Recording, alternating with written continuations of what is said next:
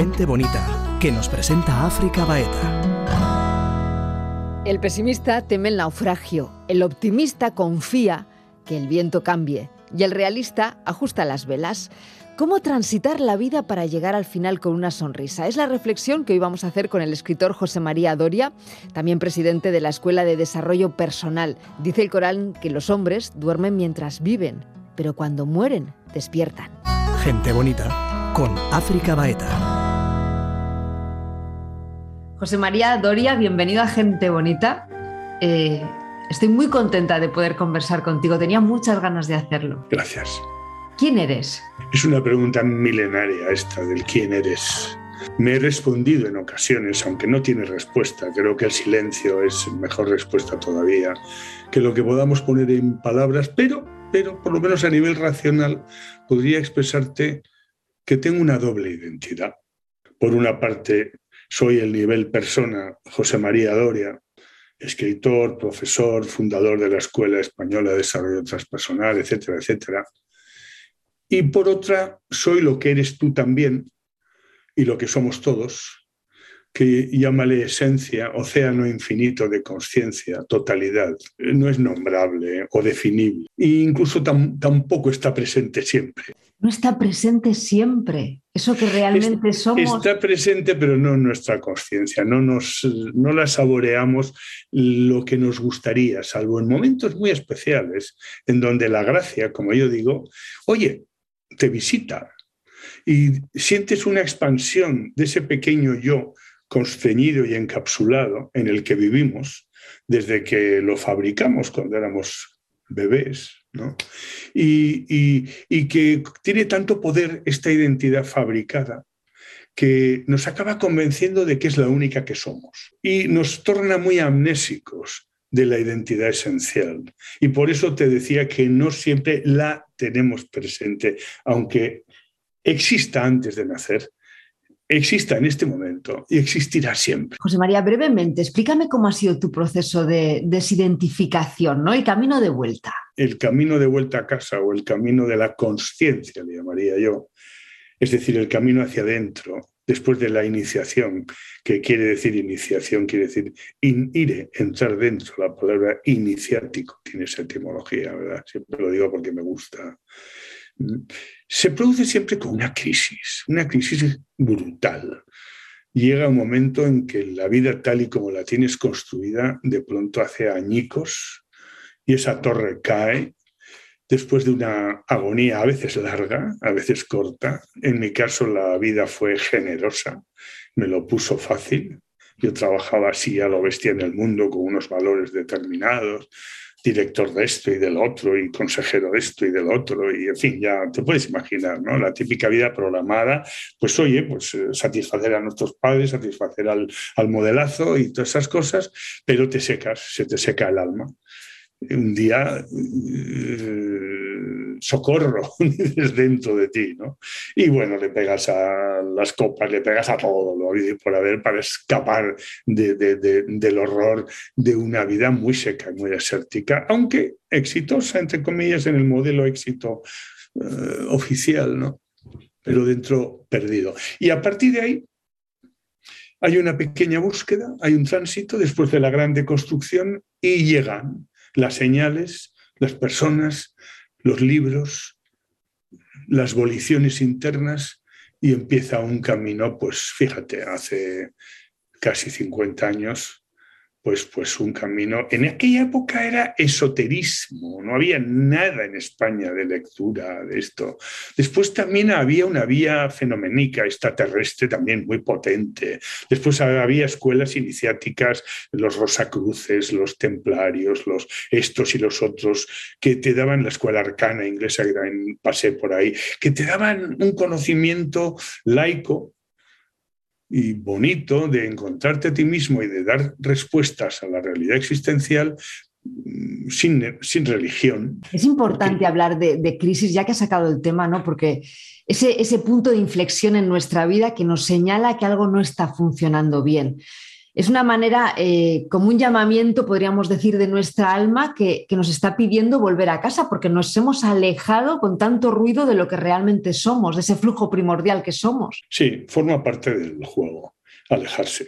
Forma parte del juego perder la inocencia cuando somos inocentes. Luego la recuperaremos con conciencia, pero hay que, hay que perderla. Y somos, o sea, forma parte del diseño del gran juego los orientales se llaman lila, el juego, el gran juego este, que es vivir, que supone entrar en la amnesia y después, no sé si la otra mitad de la vida o cuando sea, cuando le toca, a quien le toque, cuando le toca, empezar a recordar lo que eres, la esencia y lo que nutre tu alma.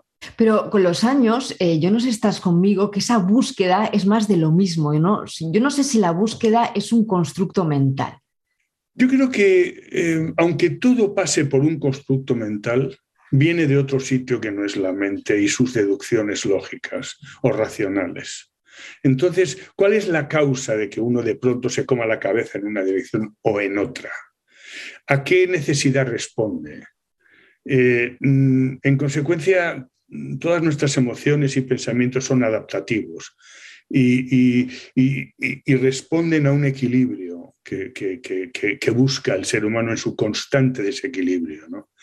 Entonces, bueno, mm, le doy un respeto a ese momento, como dice Nisargadatta, eh, dice que tenemos dos cumpleaños. El día en que nacemos físicamente, ah, el junio, ah, tu cumpleaños, y el día en que eh, la conciencia se despierta en nosotros y empezamos un camino de expansión progresiva de autoconsciencia devenimos autoconscientes. Y entonces miramos nuestro pasado y sentimos que estábamos dormidos, perdidos. Y sin embargo, pues éramos seres humanos como todos funcionando, pero nos faltaba algo llamado conexión, llamado misión, llamado visión, llamado propósito de vida, sentido de vida, cosas que vienen muy de la mano de un momento de metanoia y de conciencia donde el ser humano a través de una crisis renace a una nueva dimensión en su vida cotidiana. Has hablado de sentido de vida y me planteo si, si, es, si es uno el que tiene que buscar el sentido de la vida o el sentido de la vida le encuentra a uno. Uno lo busca de alguna forma porque se pregunta, se pregunta y, y después todo nos acaba encontrando, ¿no? Yo siempre creo que desde el yo somos conductores. Desde el yo, el yo, el yo pequeñito y dual y separado es el conductor. Y yo tomo mis decisiones, yo creo mi destino, yo, yo soy responsable de mi vida y, y yo determino la dirección que ésta toma. ¿no?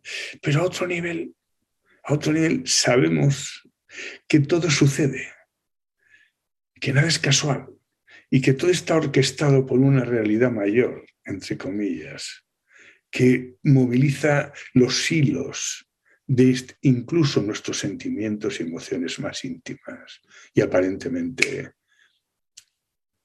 Por eso tenemos que vivir con la paradoja de esta dualidad que aparentemente es excluyente desde la pequeña lógica, pero que no es excluyente. Se puede vivir con la mente paradójica. ¿Existe el yo? Desde luego sí tenemos esa sensación. Los seres humanos tenemos sensación de yoidad. Uno dice, yo siento que soy yo. y, y, eso no le pasa a otro, me pasa a mí. Me duelen las muelas a mí. o tengo miedo yo y no el de enfrente. Y no es ninguna ilusión esa sensación, porque además tengo miedo de perder el yo en un momento dado, en la muerte o en otras cosas. Y por otra parte, sabemos, conforme vamos creciendo y, vamos observándonos en meditación y creando distancia, observando nuestros contenidos, que el yo es un constructo más. Y en consecuencia es tan efímero como cualquier otro constructo y que podemos llegar, hay experiencias, en el momento, yo tengo alguna experiencia en la que era sin necesidad de tener un yo con sus coordenadas de tiempo-espacio como vive el nivel persona.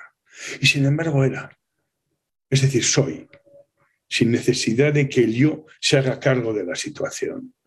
Esos instantes dan una medida de que el yo puede retirarse de la escena y seguir siendo, aunque el yo no esté presente al 100% en la escena. Prefiero que el yo se acabe convirtiendo en un organizador pequeñito, en un, un algo útil que me da experiencias y sensaciones, pero saber que soy mucho más que ese yo.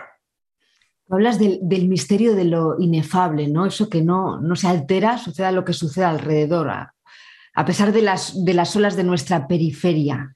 ¿Eso es para ti la no dualidad?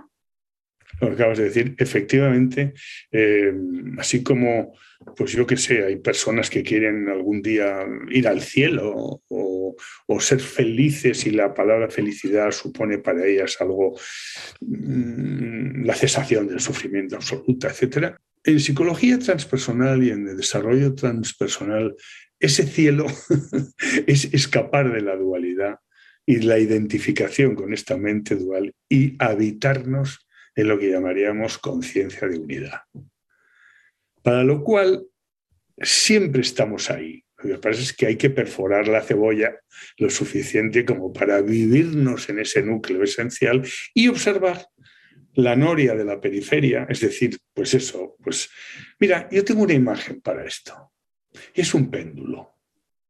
Imagínate un péndulo. ¿eh? Un péndulo va así, ¿verdad? Chum, como nuestra vida. Qué bonito, qué bien, qué, qué, buen tiempo, qué maravilla, qué tormenta, qué lluvia, el invierno y el verano, la vida, en fin. Mm. La soledad, la felicidad. Y conforme tú vas ascendiendo por el péndulo, ¿eh? Resulta que cada vez la oscilación es menor, aunque aquí abajo siga siendo grande, ¿eh? y llega un punto, llámale testigo, llámale conciencia, llámale unidad, desde donde existiendo en el mundo manifestado la dualidad, ahí no se manifiesta, se vive en la unidad. Esto, esto, el punto donde nace el hilo del péndulo está quieto, como el centro de una rueda que gira a 200 a la hora. Está quieto. Ese misterio de la quietud primordial en el núcleo del ser me parece una maravilla. Por lo menos concebirlo, que somos quietud primordial, más allá del tiempo, que ese sí que es un constructo, ya que hablabas antes de constructos, el tiempo, fíjate. ¿Cómo llegar a ese punto, a ese punto de unidad? Cómo trascender el ego, cómo trabajar esa desidentificación, cómo discernir entre lo que es real y no es real, lo que es ilusión. Es nuestra utopía. Vivimos nuestra utopía. La humanidad ha tenido desde miles de años atrás lo que ha dado lugar a lo que se llama filosofía perenne. Y es algo que es lo mismo en el norte que en el sur, hace 500 años que hace mil, en el este o en el oeste.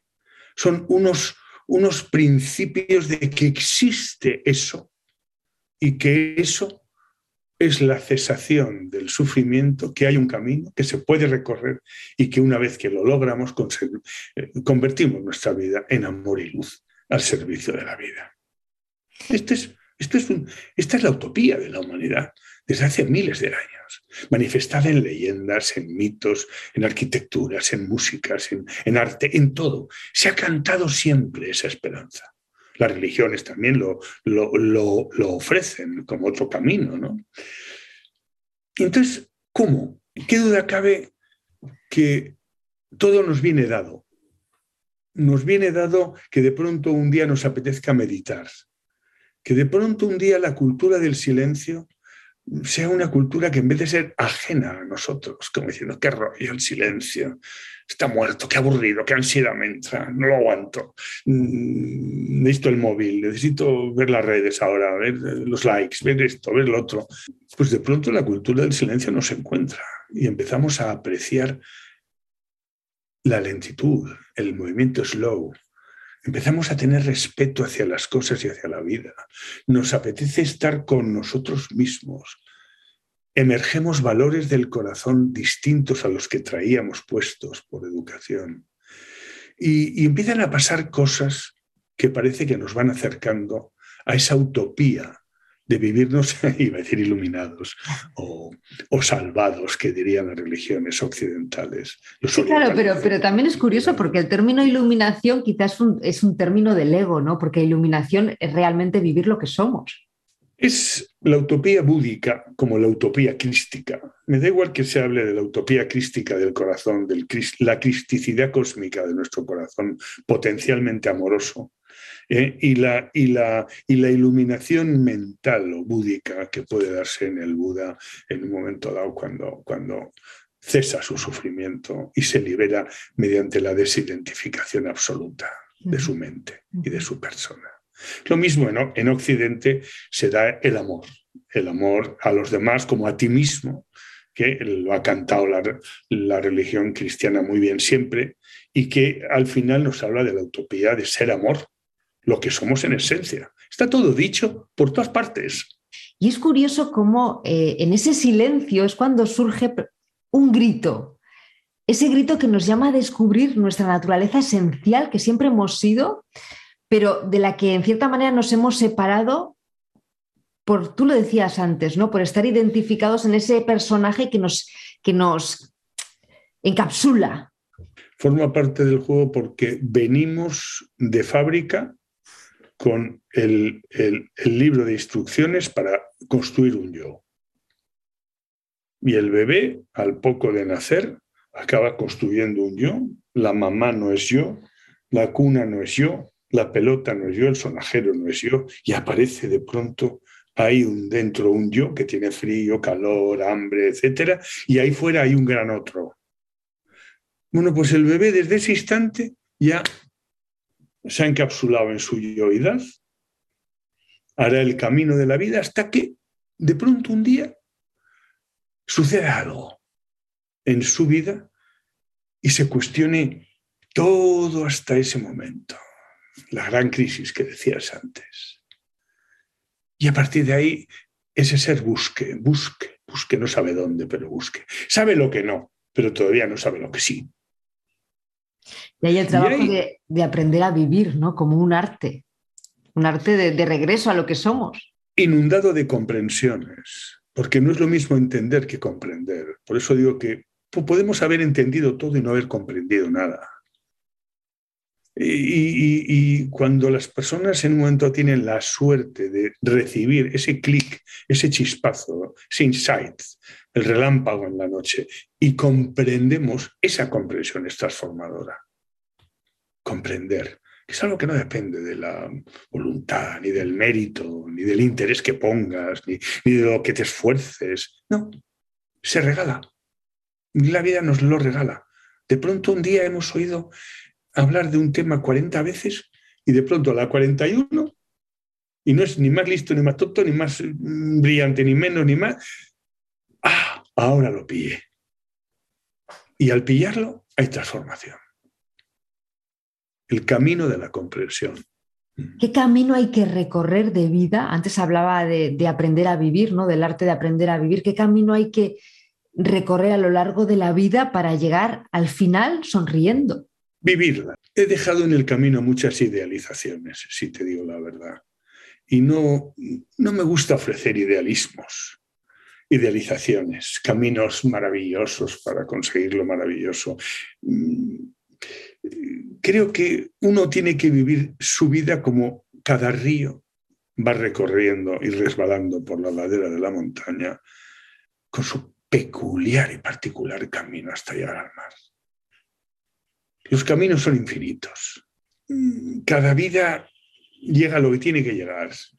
Y lo veo sabio todo, hasta incluso lo que aparece como no sabio o detestable, pues también cumple su misión dentro del ecosistema mayor de una visión integradora e inclusiva de la existencia desde donde no hay caminos. ¿no? Eh, yo puedo hablar, pues hombre, pues mi camino, que acabe que la meditación, que el estudio, que el cuidado integral de un ser humano es importante, que el cultivo de la eh, autoconsciencia pues es, es bello porque el despliegue de los talentos y de la creatividad, el servir a los demás porque te sale, no porque te lo impones, etcétera todas esas cosas pueden ayudar, pero me dicen ahora mm, si es válido el camino, yo qué sé, ahora que está de moda decir que, que Putin o cualquiera es eh, muy malo.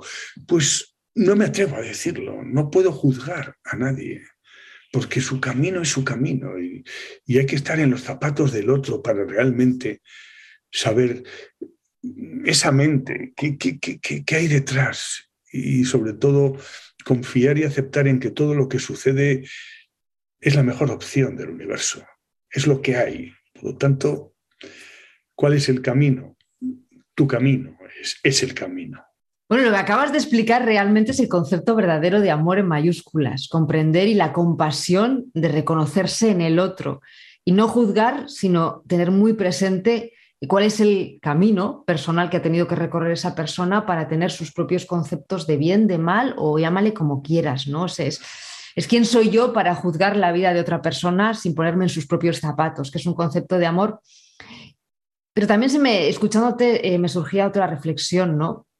Somos polaridades. O sea, en este camino espiritual ha habido mucha idealización, como tú has dicho, ¿no? Que parece que el camino espiritual tiene que ser un camino de ángeles bondadosos yendo por el mundo, pero como seres humanos somos paz y somos violencia, somos bondad y somos maldad, y lo somos todo.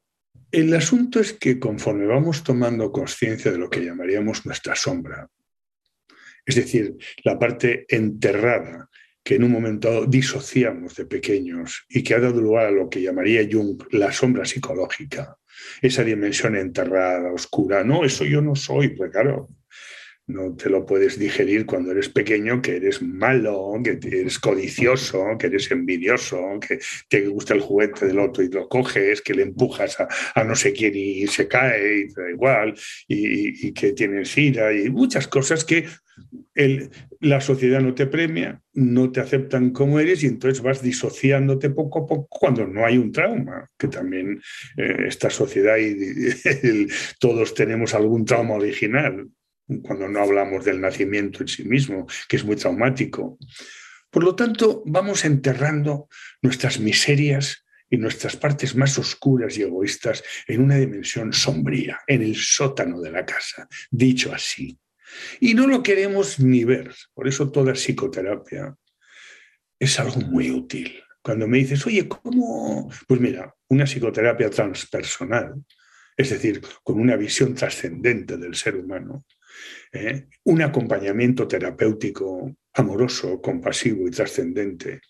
Es un acompañamiento que bucea con tu cliente para que el cliente ponga luz en los sótanos de su conciencia que ha enterrado con dolor y sin podérselo comer con patatas ni digerir, lo tiene ahí y le está sacando exageraciones y pautas repetitivas muy dolorosas en todos los sentidos de su vida.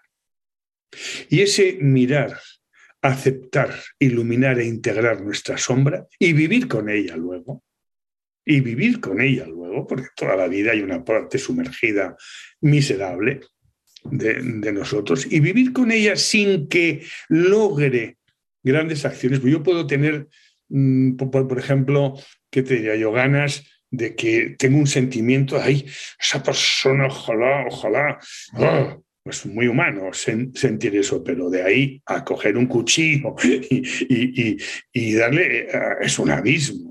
O sea, que cuando, cuando vamos desarrollando esa esfera egoica, es porque muchas veces hay creencias limitantes de si yo no cumplo las expectativas que tienen sobre mí, eh, dejarán de quererme. Y entonces ahí voy creando el sótano. Pero ese, ese sótano, eh, yo creo que también hay que honrarlo porque es el que nos ha traído hasta aquí. No verlo como la parte miserable, sino honrarlo. No, pues que yo digo miserable con mucho respeto. o sea, mi, parte miserable la respeto mucho, pero no le quito el apodo de miserable porque, porque, porque es, miserable. ¿Entiendes? ahora, eh, es mía y honro todo, evidentemente, y hasta incluso conforme más la conozco, porque ahí está el gran tema, mirarla y mirarla no es nada fácil. Es decir, lleva una vida sacar todo lo que hay ahí enterrado y profundo y abrazarlo, abrazarlo. Y también soy eso, también soy eso, lo que llamaríamos el proceso de integración de la sombra. ¿eh? Esa integración de nuestra propia sombra nos torna... Y te iba a decir una frase que dijo Freud que es muy interesante, y es que la civilización comenzó cuando el ser humano, en vez de tirar una lanza a otro, lanzó un insulto. es un tópico, es, una, es, es, como decir, una cosa es tener un sentimiento, mira, en los colegios más modernos se habla mucho de, en vez de sentimientos buenos y sentimientos malos, se habla de sentimientos azules y sentimientos rojos, para quitarle al niño la sensación de culpabilidad de que está diciendo, ojalá esa vieja se muera. ¿eh? Momento la profesora así más tal. Y, en, vez de sentirse mal el niño porque ha pensado que ojalá se muera y qué malo debo ser, yo debería ser bueno porque Jesucito era bueno y porque todo era bueno y yo soy malo, yo soy un, yo soy un desastre. Dicen, no, no, simplemente tienes sentimientos rojos, sentimientos azules. ¿Existe la muerte? ¿Quién muere? Pues yo creo que este es un misterio que no, no lo sabe nadie. Nadie ni videntes, ni gente clínicamente muerta, ni los seres que han viajado en astral o se han desdoblado de su cuerpo físico. Mm, cada uno tiene sus creencias, son muy respetables. Las creencias nos ayudan, conducen, son percepciones o filtros, programas mentales, las creencias, y cada uno tiene las que necesita. Mira, los orientales son muy de extinguir el yo. Nirvana significa literalmente extinción. No necesitan tener un después desde el yo. Y en cambio los occidentales nos buscamos una manera, un apego muy grande a que el yo va a mm, resucitar, va a continuar, pero desde el yo, no, aunque es un yo más expandido, más bonito, más celestial, más luminoso, más feliz, más milagrero, pero sigue siendo un yo. Por lo tanto, si hay un yo, habrá un tú. Y si estamos en un yo y un tú, habrá otra vez dualidad. Y entraremos otra vez en el gran circuito de la dualidad. Por lo tanto, a mí me lo preguntas y te digo, pues chico, yo creo que em, el río llega al mar y deja de ser río. Sigue siendo agua, lo que fue siempre. Cuando era manantial, cuando era lluvia, cuando era riachuelo y cuando vuelve a casa. Cuando tú estás frente a la muerte y la estás mirando a los ojos a la muerte, todo lo que no somos y creemos ser desaparece. En realidad, la muerte es una clave espiritual, como he dicho en, alguno, en algún momento dado, porque vivir como si fuésemos a morir mañana es una clave maravillosa de desprendimiento y de esencialidad muy grande. De hecho, acostarse por la noche y decir, igual no me despierto, descuídate. Y en ese caso, decir, pues, pues me despido. ¿Tengo los deberes hechos? Pues sí, estoy al día, sí. Y a la mañana siguiente, al despertar, anda, pues un día más. Vuelvo a nacer, porque nunca sabes si vas a volver a despertar. Entonces, mirar la muerte es bueno. De hecho, fíjate, los benedictinos, que son súper, súper místicos, ¿no? muy profundos, una orden, no sé, muy arcana, muy honda, ¿no? muy silenciosa. Ellos tienen un mantra que es, se dice memento mori, se dicen varias veces, memento mori, que significa vamos a morir. Y eso recordarlo constantemente para ellos es importante para desprenderse de los posibles adherentes que vayamos pillando en el camino, ignorando la muerte. Y me parece importante el, el que mors certa, muerte cierta, hora incerta, hora incierta. Nadie sabe cuándo va a morir. Nadie lo sabe. Y, y esta incertidumbre no nos tiene que llevar necesariamente a dejar de mirarla. creo que en el camino de la vida, mirar la muerte de frente ayuda mucho. ¿Cómo es el ego de, de Goico, valga la redundancia, que vive de espaldas a la muerte, ¿no? Como si la muerte no fuera con, con ese personajillo que es quien creemos ser. El ego le teme a la, a la muerte, pero sobre todo es que el ego suele asociar, sobre todo en Occidente, mucho, mucho más, la muerte a sufrimiento. Y así como a mí el sufrimiento sí me parece algo, mm, pues no sé, voy a decir una palabra que no me gusta, pero dramático, la muerte nunca es una calamidad. Nunca. Para nadie.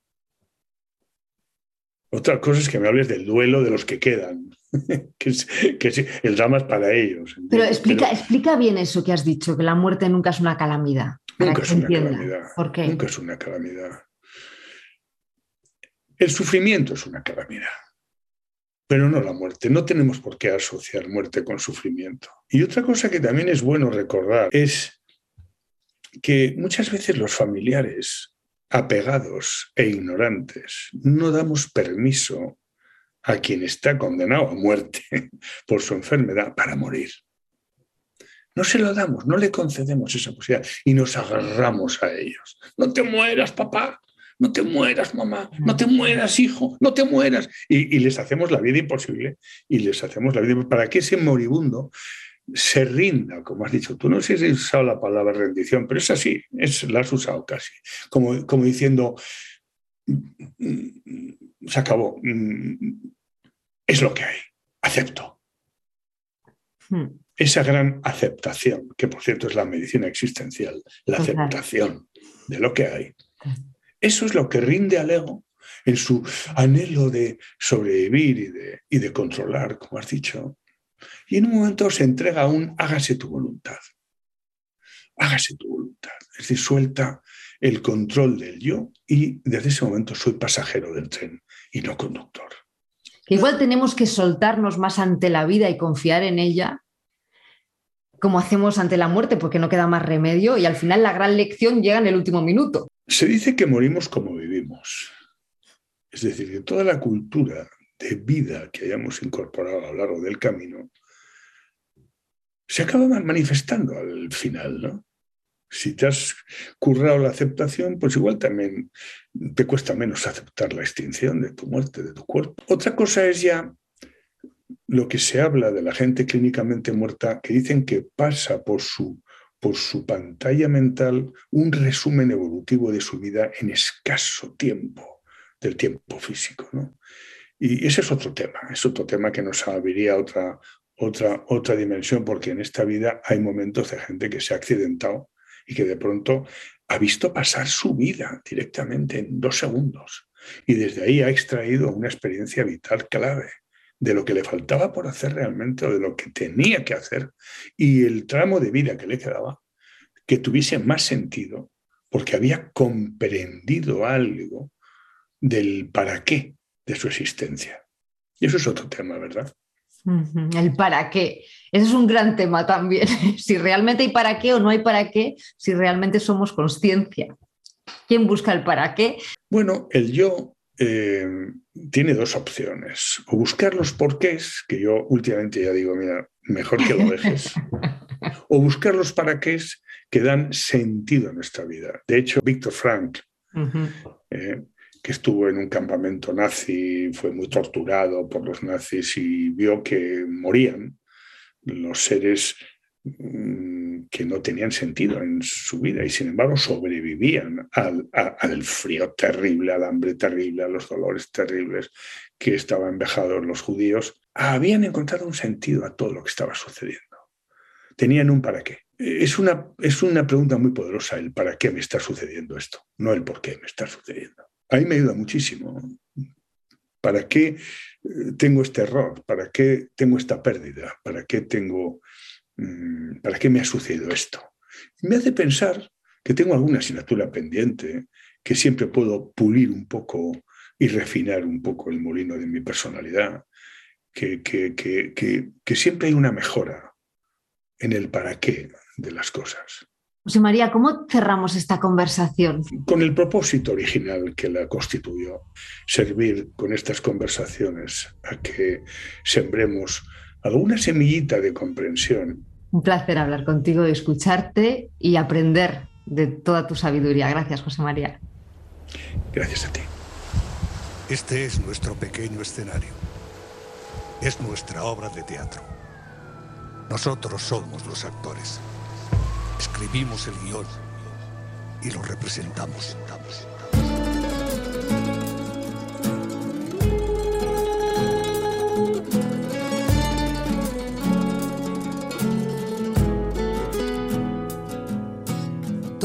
Que conocemos, todos los recuerdos, todos los humanos, todos los que vendrán, todos sus pasajeros, nuestras penas y glorias, nuestros deseos, todos los amores que peleamos, los amores que vinieron para rescatarnos, los besos impacientes, los que se quedaron entre tu labio y mi vientre civilizaciones, reyes y plebeyos, santos pecadores, amantes y abstemios, sueños adoptados, grandes y pequeños, vacíos y ocupados, sobredimensionados, todos los relatos de nuestras emociones, mártires benditos, mil y una religiones, diminuto escenario, repleto de sobrepoblaciones.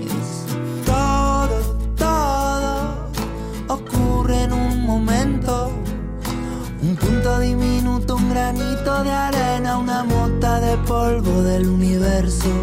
Todo, todo ocurre en un instante. Las estrellas dicen que nosotros somos los fugaces. Blue, diminuto planeta azul, donde habitan los nuestros, donde habitas tú. Blue, planeta azul, donde habitan los nuestros, donde habitas tú. Blue, el punto de vista lo pones tú. Todos los que se desviven, los presos de la prisa, los relojes que nos persiguen, todas las palabras enfrentadas, las palabras que conviven. Ángeles anónimos, secretos y costumbres, ideologías sobre pedestales, delirios de grandeza, prejuicios a la inversa, leyes que no nos representan. Todo, todo ocurre en un momento un punto diminuto, un granito de arena,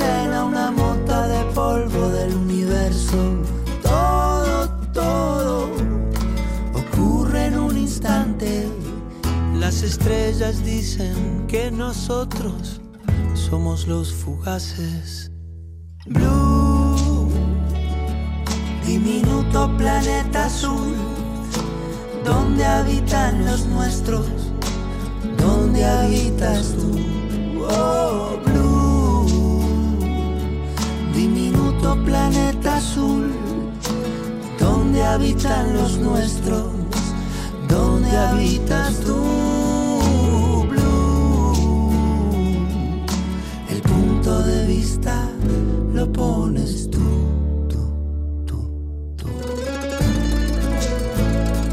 Gente bonita en ITV Podcast. Escúchanos y suscríbete.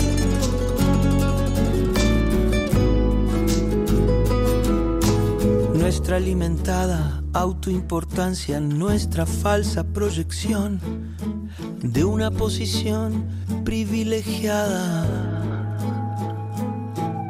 Nuestro ego comiendo vidas por la gloria de un momento. Nuestro eco apenas llega unos milímetros en la perspectiva del universo.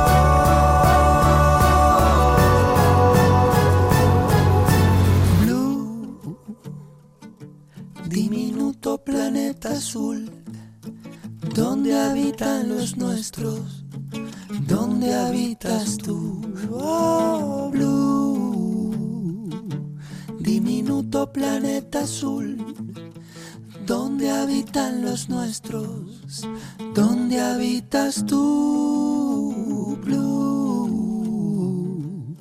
El punto de vista lo pones tú, tú.